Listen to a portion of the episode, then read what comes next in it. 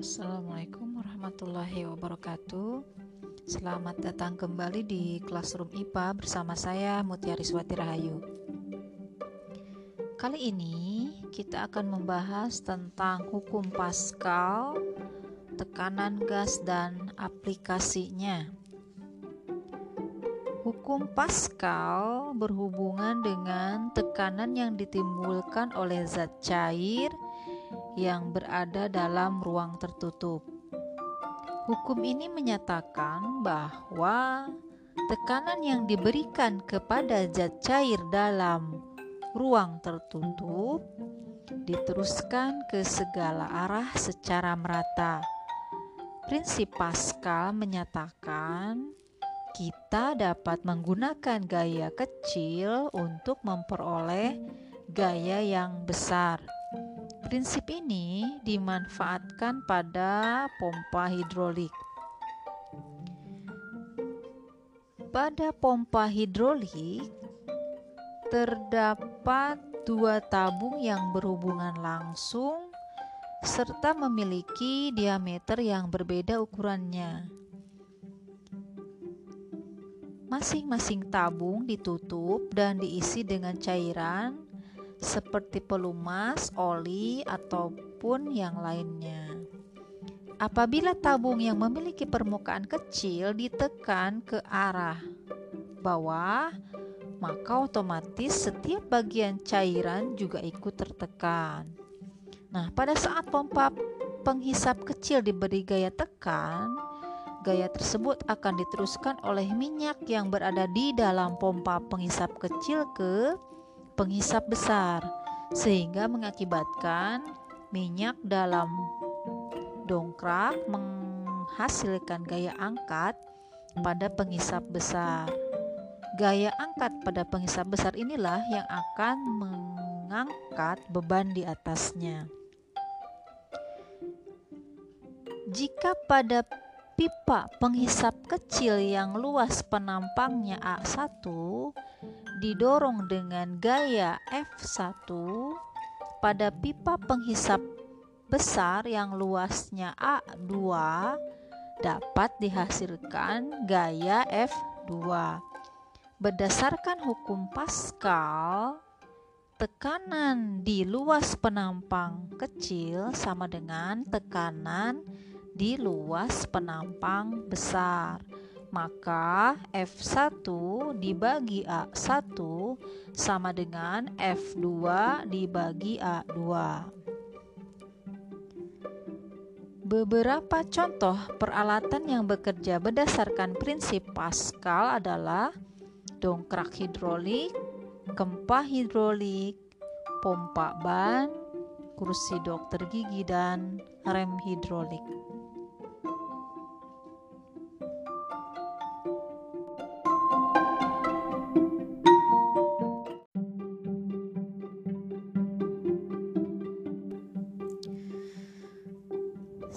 Siswa-siswi sekalian, gas juga memiliki tekanan. Tekanan udara luar biasanya disebut dengan tekanan atmosfer. Semakin mendekati permukaan bumi, tekanan atmosfer juga semakin besar. Contoh ketika kita sedang mendaki gunung telinga kita akan terasa mendengung. Hal ini disebabkan karena tekanan udara di luar itu lebih kecil daripada tekanan di dalam tubuh kita, tekanan udara di dalam tubuh kita. Makanya, para pendaki gunung mensiasatinya dengan memakan permen karet. Percobaan kedua untuk membuktikan bahwa gas juga dapat memiliki tekanan, yaitu dengan mengisi gelas dengan air penuh, kemudian ditutup dengan kertas HVS, lalu kita tahan dengan telapak tangan kita, kemudian dibalik dengan cepat. Ketika gelas dibalik,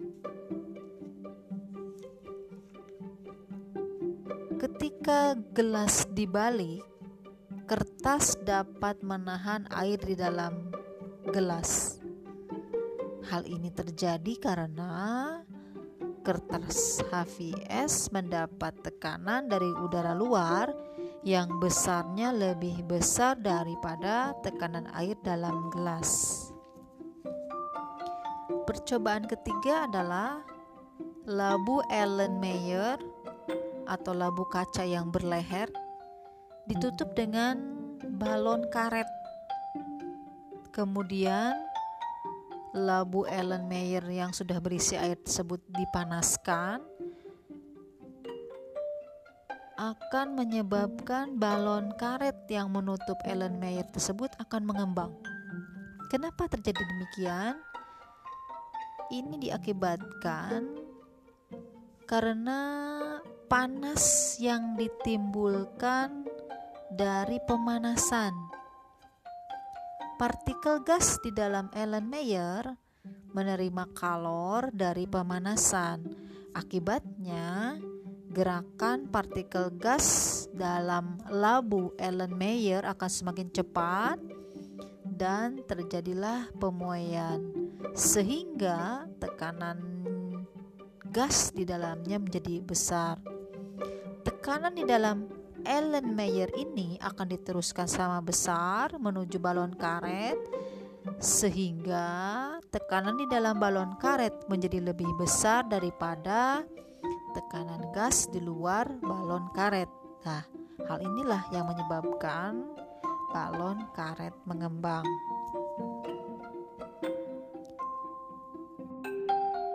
thank you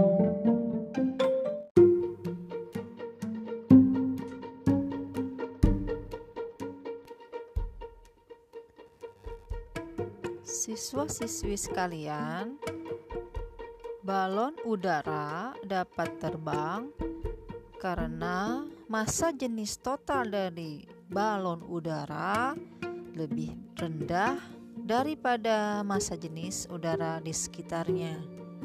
Massa jenis balon udara tersebut dikendalikan oleh perubahan temperatur atau suhu pada udara dalam balon.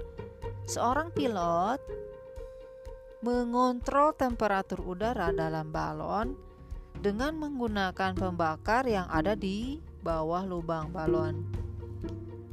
Ketika bara api dari pembakar memanaskan udara dalam balon, berat balon menjadi lebih kecil dari gaya ke atas, sehingga balon akan bergerak ke atas. Ingat, udara panas lebih ringan daripada udara dingin.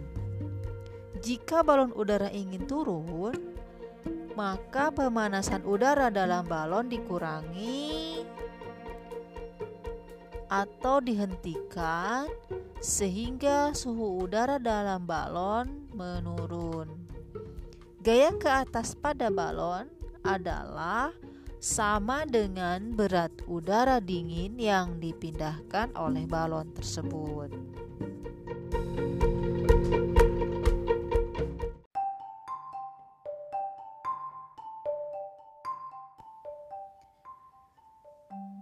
Siswa-siswi sekalian, mekanisme pengangkutan air pada tumbuhan dilakukan melalui beberapa tahapan, yaitu air masuk ke dalam sel akar melalui peristiwa osmosis.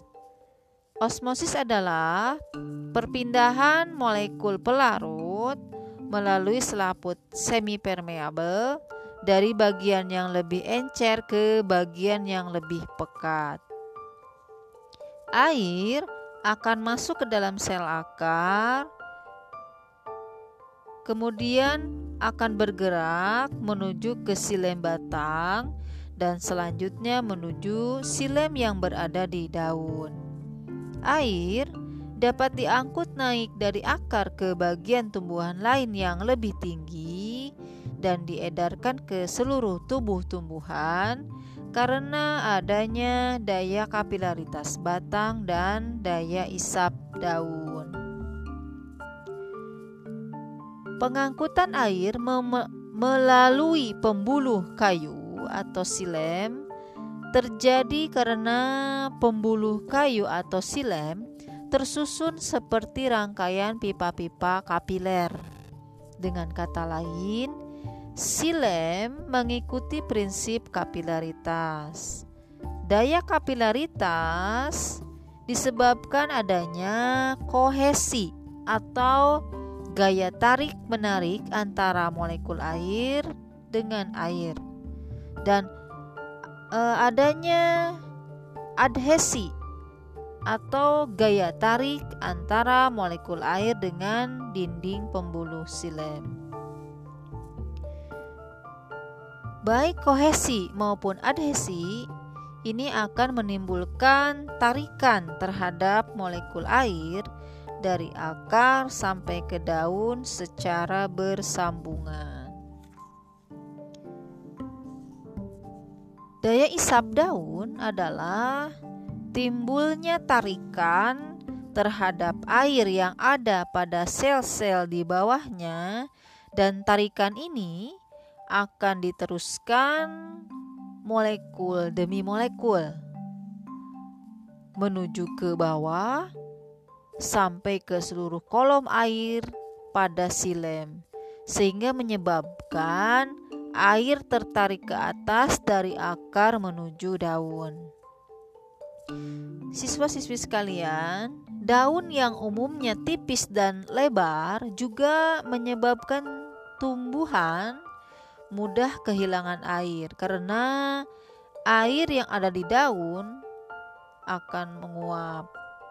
Hilangnya air yang menguap ini akan menyebabkan tekanan pada daun menjadi rendah, sehingga menarik air yang ada di pembuluh. Isapan daun ini akan membuat air yang terdapat di akar naik ke atas.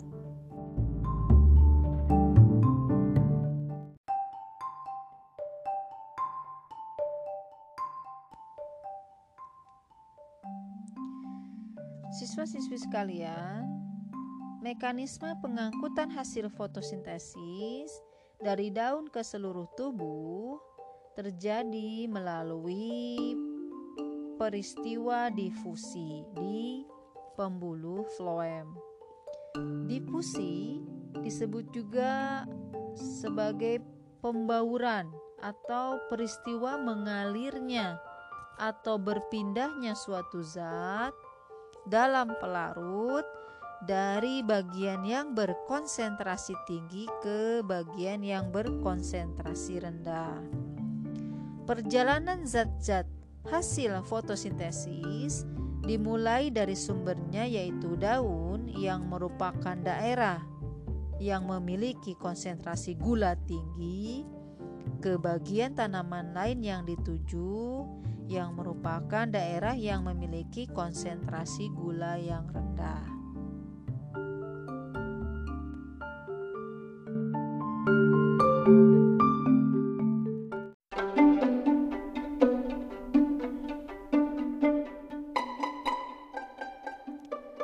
Siswa-siswi sekalian, pada tekanan darah di pembuluh darah manusia berlaku hukum Pascal.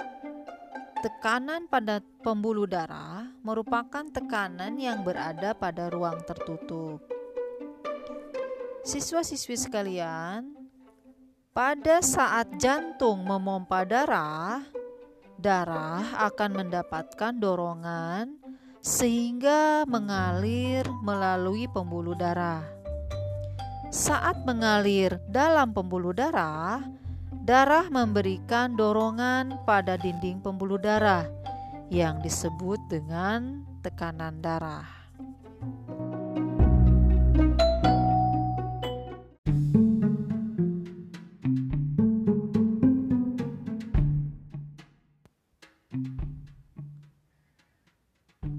Siswa-siswi sekalian, pertukaran gas karbon dioksida dan oksigen di dalam tubuh terjadi melalui proses difusi. Difusi gas dapat terjadi ketika terdapat perbedaan tekanan parsial dari suatu gas tertentu dalam campuran gas. Tekanan parsial adalah tekanan yang diberikan oleh gas tertentu dalam campuran gas tersebut.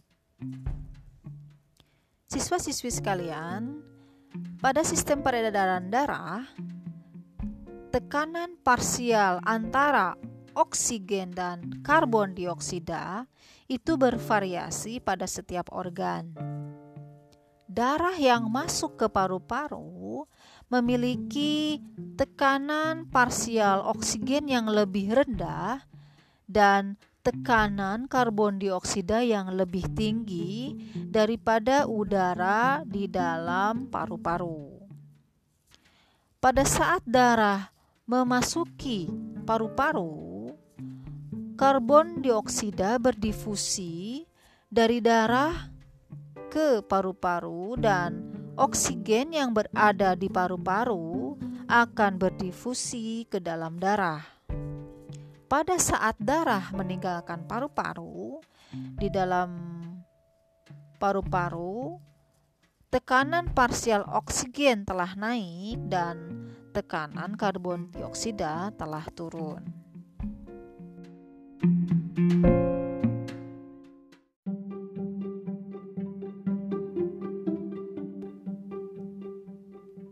Siswa-siswi sekalian, demikianlah pembahasan kita kali ini mengenai hukum Pascal, tekanan gas dan penerapannya.